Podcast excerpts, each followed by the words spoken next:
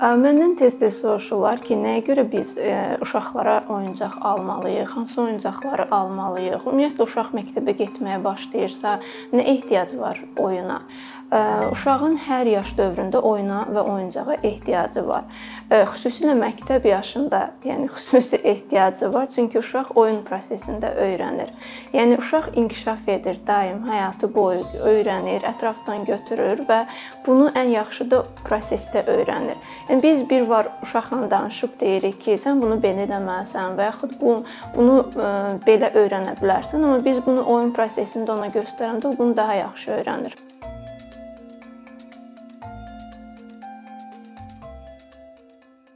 Məsələn, elementar rəngləri öyrədərkən biz sadə bir rəng göstərib deyə bilərik ki, bu qırmızı rəngdir, bu yaşıl rəngdir, amma e, biz onu oyuncağınla, məsələn, deyək ki, hansısa fiqurlarla biz onu ona veririk. Deyirik ki, məsələn, mənə qırmızı üçbucağı ver və yaxud nə bilim sarı topu ver. Bu uşağın yaddaşında daha yaxşı qalır. Ümumiyyətlə oyun e, uşağın inkişafının təməlidir. Yəni oyun yoxdursa, uşağın həyatında oyuncaq yoxdursa, bir mənalı olaraq o inkişaf edə bilməz. Ola bilər ki, indi yaşlı nəsil deyə bilər ki, məsələn, bizim oyuncaqlarımız yox idi. O dövrdə bu qədər fərqli xüsusi oyuncaqlar yox idi. Amma o dövrün də özünə məxsus oyuncaqları var idi və uşaqlar özləri oyuncaq düzəldirdilər. Yəni yenə də oyun prosesində uşaq öyrənirdi və Valideynin xüsusilə uşaqla vaxt keçirməsi bu çox əhəmilidir. Çünki həm oyun prosesində dedik ki, uşaq öyrənir, həm də ailəsi ilə vaxt keçirmiş olur. Yəni uşağın çox təməl ehtiyacları var: sevgi görmək, diqqət görmək, ailəsindən qayğı görmək və Bunu oyun oynayarkən əgər görürsə ki, valideyn də ondan həvəslidir, hansısa oyuncaqlarını valideyn də oturub onunla oynayır. Və bu valideyn uşağın səviyyəsinə enmiş olur və e, uşaq həm də dəstəkləndiyini, sevildiyini görmüş olur. Bizim üçün çox sadə, hətta yorucu bir proses ola bilər. Valideyn işdən gəlir, vaxtı yoxdur, həvəsi yoxdur, amma uşaq onu demək olar ki, gün ərzində səbirsizliklə gözləyir. Hətta bağçaya gedib öz dostlarınla oynayan uşaq belə öz valideyni ilə olan oyun saatını çox belə xüsusi səbirlə gözləyir ki, bircə axşam olsaydı, anam gəlsəydi və atam məndən top oynasaydı. Bəs e, hansı oyuncaqlar almalıyıq uşaqlara? Hər yaş dövrün özünün oyuncağı var. Yenə də mən o mövzuya qayıtmaq istəyirəm ki, məktəbə gedən uşağın əlindən oyuncağı alınır və artıq dərs zamanıdır. Sən e, belə deyək də məktəbə gedirsənsə, artıq dərslərinə fokuslanmalısan. Bu əksinə uşağı məktəbdən soyudur. Yəni uşaq ə, e, məktəbə başladığı anda onun bütün oyuncaqları götürülürsə, əslində uşağın biz məktəbi sevməməsi üçün ona şərait yaradırıq. Ona görə də məktəb yaşında oyuncaqlar ola bilər ki, forması dəyişə bilər yaxud oyun saatı azala bilər. Əvvəlki kimi bütün gün uşaq oyunla, oyuncaqla oynamaz, amma mütləq gün ərzində onun yarım saat, 1 saat oyun saatı mütləq olmalıdır və eyni zamanda o dərs prosesini də valideyn oyun şəklində təqdim edə bilər uşağa. Rəqəmlərin öyrədilməsi olsun, rənglərin öyrənilməsi olsun, heyvanlar aləmi olsun. Yəni elementar biliklərdən mürəkkəbə doğru və hər formada oyuncaq var. Hər yaşa görə çox həddindən artıq çox seçim var uşaqlar üçün. Ona görə də mütləq məktəb yaşına xüsusi diqqət edilməlidir ki, uşağın digər ə, dərs saatından, nə bilim, təməl ehtiyaclarla bərabər onun o oyun saatı da mütləq ona verilsin. Və ə, yaşa görə oyuncaqları necə seçirik? Yəni kiçik yaşlı uşaqlarda daha sadə, daha taktil, toxunmanı inkişaf etdirən biz oyuncaqlar seçirik. Bu hər hansı kukla ola bilər, nə bilim, hər hansı fiqurlar, rəngli, göz oxşayan, hərəkətli fiqurlar ola bilər. Çünki uşaq ətrafa həssasdır və hər şeyi belə deyək də ətrafdan öyrənir. Onun üçün hər şey yenidir, bütün informasiyalar və daha çox məsələn, əgər hansısa bir belə deyək oyuncaqdırsa, sən görürsüz ki, içində biz düyü deyirik amma əslində içindəki düyü deyil, toxunanda müəyyən hiss yaradır uşaqda, ona maraqlı gəlir, ona toxunmaq istəyir və bunlar uşağın həyatında həmin yaş dövründə olmalıdır. Kiçik danışıram, kiçik yaşlarda, məsələn, deyək ki, körpə deyək ki 0-6 ayında uşaq hələ ki daha çox yuxuda olur, daha çox belə deyək də onun başının üstündə hansısa hərəkətli oyuncaqlar olur, amma daha çox oturmağa başlayandan sonra, iməkləməyə başlayandan sonra bu tip oyuncaqlar uşağın oynamasa bizə elə gəlir ki, uşaq oynamır. Valideynlər adətən şikayət edirlər ki, alıram 1 saat maraq göstərir, atır o tərəfə. Bu çox normaldır və təbiidir. Ümumiyyətlə uşağın diqqəti maksimum 3 dəqiqə bir şeydə fokuslaya bilər ki, bu da böyük yaşlı uşaqlara aiddir. Daha çox məktəbli yaşında olan uşaqlar. Kiçik yaşlı uşaqların fokusu isə daha tez dağılır. Ona görə də uşağın əslində oyuncağı kənara atması, həvəslə aldığı oyuncağı maksimum 1 gün özündən saxlayıb sabahsı gün ona baxmaması çox normaldır. Amma bu demək deyil ki, biz ona oyuncaq almamalıyıq. Çünki bir yaşı var ki, uşağın həmin yaşda o oyuncaqlara və öyrənməyə ehtiyacı var. Heç bir uşaq 16, 17, 18 yaşında maşını olsun istəmir ki, hə otursun, nə bilim, pultla istifadə olunan maşın sürsün və yaxud qatar olsun. O bir mərhələdir. Yəni uşağın həyatında fa oyun fəaliyyəti mütləq olmalıdır. Hər bir yaş üçün uşağın fəaliyyət növləri var. Ən kiçik yaşlar oyundur, sonra keçir təlim fəaliyyəti, yəni məktəb yaşında, sonra da artıq həmyaşlılarla ünsiyyət dövründə. Yəni heç bir uşaq ünsiyyət dövründə oyun oynamaq istəmir və yaxud da təlim yaşında kiçik hansı oyuncaqlarla, kuklalarla oynamaq istəmir. Hər yaş üçün uşağın özünün oyuncağı var və Xüsusilə 3 yaşından başlayaraq uşaqlar üçün daha inkişaf etdirici, onları məktəbə hazırlayan oyuncaqlar mütləq olmalıdır. Bu müxtəlif puzzlelar ola bilər, bu müxtəlif konstruktorlar ola bilər. Məsəl üçün belə bir tipli oyuncaqlar deyək ki, məsəl üçün bu çox funksiyalı bir oyuncaq sayılır əslində. Çünki burada həm siz ona fiqurları öyrədə bilirsiniz, həm rəngləri öyrədə bilirsiniz, həm puzzle olaraq yerinə yerləşdirməyi öyrənir, həm də burada kiçik bir belə deyək, məntiq məsələsi kimi, məsələn, bu birləşdirib bir fiqur almalıdır bunlardan. Yəni siz bir oyuncağı alanda bir neçə formada ondan istifadə elə, eləyə bilərsiniz. Digər bir məsələ isə məsələn bir dəfə valideyn bir uşağı gətirmişdi müayinəyə və deyirdi ki, uşağım heç bir oyuncaqla oynamır. Ümumiyyətlə uşaq çox sakitdir, heç bir şeyə reaksiya vermir. Və müayinə zamanı məlum oldu ki, uşaq həmin oyuncağı necə oynayacağını bilmir. Yəni ki, bütün bu oyuncaqlar onda var, amma sadəcə alınıb ona. Yəni uşağı oyuncaqla necə oynandığını göstərmək vacibdir. Məsələn, konstruktoru bunu məsəl üçün deyək ki, siz ə, saniyə qoşub onda biraz rəqabət hissi də yarada bilərsiniz. Məsələn, görək bunu nə bilim 60 saniyəyə və yaxud 30 saniyəyə bunu yığa biləcəksən və yaxud 1 dəqiqəyə bunu yığa biləcəksən, belə-belə o rəqabəti artıra bilərik. Çünki uşaqlar o rəqabət hissini sevirlər və hər yaş dövrü üçün mürəkkəbdir. Məsəl üçün bu tip bir oyuncaq daha yuxarı yaşlarda, məktəb yaşında uşaqlar üçün daha belə deyək, yaxşı olardı və yaxud da ki, bu çox sadə görünsə də ki, üzümdür. Burada nə var ki, bir dəfə valideyn dedi ki, çox sadədir. Burada nə var ki, bunu yığa bilərəm, amma bəlkə bir seans boyu cəhd elədi və heç bir halda yığa bilmədi. Çünki yenə də burada biraz təfəkkür məsələsi, səbir, yəni uşaqlar uşaqlarda bu var. Böyüklər adətən deyir ki, səbrim çatmır, amma uşaqlarda o səbir, o rəqabət hissi, o bir başladığı işi sona çatdırmaq hissi olduğuna görə uşaqlarla maraqlıdır və valideyn də o prosesə qoşulub o rəqabəti yaradanda uşaqda ona maraqlı gəlir o oyuncaqlar. Yəni bütün e, elə valideyn var ki, bütün oyuncaqları alır uşağı, uşağın sadəcə oyuncağı var, amma oyun prosesi yoxdur və valideyn də o prosesin bir hissəsi deyil. Elə valideyn var ki, sadəcə əlində olanlardan e, yeni nələrsə düzəldir. Məsələn, bəzi valideynlər deyə bilər ki, mənim çox da əlçatan deyil bu oyuncaqlar mənim üçün və yaxud da ki, maddi olaraq imkanım yetmir, amma özü də çox sadə evdə düzəldə bilər, rəngli kağızlardan oyun oyunlar düzəldə bilər. Düyü və qreçkadan oyunlar düzəldə bilər. Məsəl üçün deyək ki, bir-birinə qarışdırıb uşağa təklif eləyə bilər ki, bunları bir-birindən ayır və yaxud torbaların içinə yığıb o taktil hissləri inkişaf etdirmək üçün uşağa verə bilər və yaxud da ki, evdə olan müxtəlif, nə bilim, əlin altında olan müxtəlif tərəvəzlərdən istifadə eləyə bilər. Yəni ki, biraz biz özümüz o fantaziyamızı işə salanda, uşaq da bu işdə bizə kömək edir. Çünki uşağın fantaziyası bizdən həmişə daha yüksəkdir.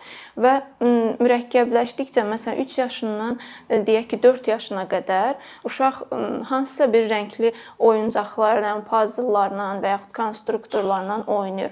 4 yaşından sonra artıq təlim fəaliyyətinə hazırlıq mərhələsi başlayır. Artıq qələm tutmaq öyrənməlidir. Rəngli karandaşlarla, sulu boyalarla işləyə bilər sonra məsələn qayçı ilə istifadə, qayçıdan istifadəni öyrənə bilər, amma bu təbii ki, valideynin nəzarətində olmalıdır. Uşaqlar xoşdurlar məsələn qayçı ilə çoxlu kəssinlər kağızları və sonra onu belə istifadə etməyə oyunun bir hissəsi kimi və plastilinlə oyun, sulu boya ilə oyun. Bəzən valideyn istəmir ki, nə bilim, üst-başı batır, nə bilim, divarı boyuyur. Sən divarın bir hissəsini uşaq üçün ayırmaq olar evdəki uşaq orada istədiyi qədər yazsın, çəksin və yaxud hər bir şərait var indi əslində ki, belə geyimlər var, uşaq geyinir, sulu boya ilə oynayan zaman heç bir halda üst-başı batmır, sonra çıxır və o yuyulur həmin paltar. Yəni ki, biz əslində istəsək, belə deyim, hər bir vasitə var əlimizin altında uşaqlar üçün və uşaq yenə deyirəm, uşağın oyun yoxdursa həyatında onun inkişafı tam deyil ya yarımçıqdır, ya da ümumiyyətlə orada inkişafdan söhbət getmir. Nitqi də ləngiyir, uşağın idrak prosesləri hamısı bir-birindən əlaqəlidir. Əgər qələm tutmağı öyrənmirsə uşaq, heç vaxt əlinə karandaş almayıbsa, mütləq şəkildə o baş beyin təfəkkür inkişafıləngiyir. Çünki yazı canlıları belə deyək də inkişafa aparan bir ixtiradır və digər canlılardan da bizi fərqləndirən odur ki, şuurumuz inkişaf eləyib və bu da daha çox baş barmaqla belə deyək alınır. Elə uşaqlar var ki, məsəl üçün Yəni 5 yaşı var, 6 yaşı var, artıq məktəb yaşındadır, amma heç bir halda nə qələmdən istifadə edə bilmir və yaxud nə heç vaxt plastilinlə oynamayıb, yəni o kiçik motorika inkişaf eləməyib. O uşaqların dərsi öyrənməsi, dərsi mənimsəməsi də çətin olur və həmin uşaqlar belə deyim, məktəbə gedərkən çox əziyyət çəkirlər. Onsuz da indi məktəb dərsləri kifayət qədər ağırdır uşaqlar üçün. Bunu bir qədər də oyun prosesinə çevirmək, bir qədər onlar üçün daha əyləncəli eləmək lazımdır. Və məktəb yaşından sonra böyük yaşlı uşaqlar üçün də kifayət qədər çoxlu oyunlar var. Uno ola bilər, Renzo ola bilər. Hansı ki bizim belə deyək də mədəniyyətdə çox da tanış deyil o oyunlar. Biz daha çox stol üstü oyunları, lottodur, nə bilim, şahmatdır, dominodur. Bu oyunlar bizə daha çox tanışdır və müşahidə etdiyim qədər də o oyunlar uşaqlara o qədər də maraqlı olmur. Amma digər oyunlar ki var artıq onları satışda da kifayət qədər rahat tapmaq olur. Bu yeniyetmələrin məsələn diqqətini cəmləmək üçün, valideynlə münasibətlərini belə deyək, yaxşılaşdırmaq üçün, vaxt keçirmək üçün həmin oyunlar heç olmasa həftədə bir dəfə məsələn valideyn oyun saatı təşkil eləyə bilər. Çünki yeniyetməlik yaşı elə bir yaşdır ki, valideynlə uşağın münasibətləri bir qədər zəifləyir və aralarındakı məsafə böyüyür. Uşaq o qədər də evdə vaxt keçirmək istəmir, valideyninlə vaxt keçirmək istəmir. Və valideynlərin belə deyək, ən çox etdiyi səhv səhvlərdən də biri odur ki, uşaq yaşında uşağın nə vaxt ki ona ehtiyacı var ki, onunla oynasın, vaxt keçirsin, hətta uşaq səhərdən axşama qədər valideynlə vaxt keçirməyə razıdır. Həmin yaşlarda valideyn uşağa vaxt ayırmır. Kimisi ev işlərinə görə, kimisi işlədiyinə görə, bilim, kimisi bəlkə də sadəcə istəmədiyinə görə Amma artıq elə yaşlar ki, var artıq yeniyetməlik yaşıdır, uşaq öz həmyaşıdlarla görüşmək istəyir və artıq valideynlə oynamaq ona bir o qədər də maraqlı deyil. Valideynimiz həmin yaş dövrünə başlayır uşağa daha çox vaxt ayırmağa. Burada da konfliktlər başlayır. Amma yenə də həftədə bir dəfə və yaxud bəlkə də ayda 2 dəfə yeniyetməlik yaşında da uşağa bu şəraiti yaratmaq olar ki, o zəifləyən münasibətlər daha da belə deyək də qopmasın. Oyuncaq alarkən ə, nəyə diqqət etməlidir valideynlər ümumiyyətlə? Birinci, ən birinci təbii ki, keyfiyyəti önəmlidir. Çünki ə, qırıla bilər, uşağın əlinə bata bilər, xüsusilə plastmas oyuncaqlar, yəni plastikdən olan oyuncaqlar bu ağzına apara bilər və yaş yaşla oyuncağın ölçüsü də çox əhəmilidir. Məsəl üçün çox xırda oyuncaqlar, hansı ki mozaika olan oyuncaqlar var ki, uşaqlar onları yerlərinə, yuvalarına yerləşdirməlidirlər. Bu tip oyuncaqlar kiçik yaşlı uşaqlar üçün təhlükəlidir, çünki burnuna sala bilər, ağzına apara bilər. Ona görə də ölçüsü və keyfiyyəti ən birinci əhəmilidir. İkincisi, ən əhəmili məsələ mənə elə gəlir ki, uşağın özünün fikridir. Uşaq ümumiyyətlə bu oyuncağı istəyirmi, onunla oynamaq istəyirmi ümumiyyətlə? Çünki bəzən sadəcə valideynin özünün xoşuna gəldiyi üçün alır və yaxud da sadəcə elə düşünür ki, bu uşaq üçün əhəmiyyətli ola bilər və nəticədə uşaq sevmir o oyuncağı, oynamaq istəmir və valideyn də pulu boşa getmiş olur. Və valideyn hisslənir deyir ki, "Vəbşə sənə bir də ümumiyyətlə oyuncaq almayacağam." Ona görə də yaxşı olar ki, uşağın istəyi nəzərə alınsın. Çünki valideyn aşağı-yuxarı övladını tanıyır və bilir ki, hansı belə deyək, sahəyə uşağın marağı daha çoxdur. Maşınmı daha çox sevir, səsli oyuncaqlarmı daha çox sevir, yoxsa puzzle. Elə uşaq var ki, məntiqi təfəkkürlüdür və uşaqlar puzzle-dır, konstruktorlardır.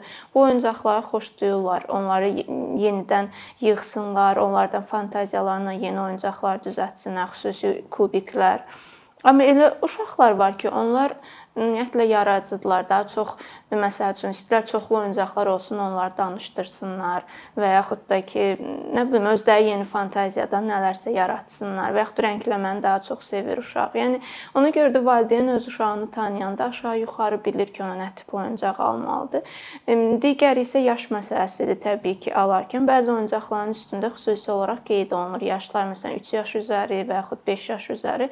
Bu da dediyim kimi həm o ölçü məsələsinə görə önəmlidir ki, xırda ölçüləri uşaq anlamaya bilər. Məsələn, kiçik yaşlı uşaq deyək, 1 yaşında uşaq plastinin nə olduğunu anlamaya bilər və onu dişləyə bilər, ağzına sala bilər. Bəzi məsəl üçün plastinlər var ki, onlar xüsusi keyfiyyətsiz olduğu üçün rəngi çıxarır və yaxud tez quruyur. Bax bunlar da əhəmilidir. Əgər valideyn belə deyək də boya ilə oynamasını istəmir heç bir halda uşağın, bu tip məsəl üçün belə bir barmaq oyuncaqlar var ki, uşaq xoşlayır, məsəl üçün o əlavə bir barmaq kimi ona gəlir və həm də boya ilə oynamış olur. Əslində yaxşı olar ki, uşaq özü birbaşa bar barmağını boyaya vursun, yenə də o taktil hissin inkişafı üçün. Amma əgər valideyn sevmirsə, övlada deyir ki, yox, heç bir halda mənim uşağımın üstü bata bilməz və yaxud belə deyim, boyanı heç bir halda istəmir uşağın əlinə dəysin Ona görə də belə bu tipli bir oyuncaqlardan da istifadə edə bilərlər. Satışda yenə dediyim kimi hər tip oyuncaqlar var və ən önəmlisi uşağın həyatında oyunun və oyuncağın olmağını mütləq bunu belə deyək, hər valideyn əsas bir məsələ kimi götürməlidir. Məsələn, necə ki uşağa paltar alırıq, necə ki yemək üçün narahat oluruq, eləcə də oyun ehtiyacı üçün mütləq narahat olmalıdır valideyn və uşağın oyunlarının, kifayət qədər oyuncaqlarının olduğundan əmin olmalıdır olmalıdır. Dediyim kimi oyun uşağın öyrənmə prosesidir.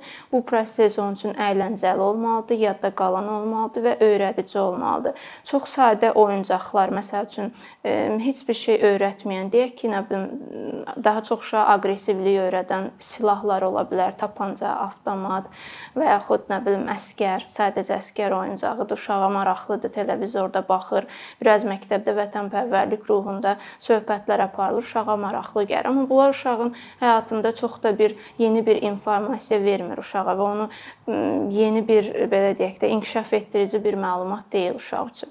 Var inkişaf etdirici oyuncaqlar, var əyləncəli oyunlar.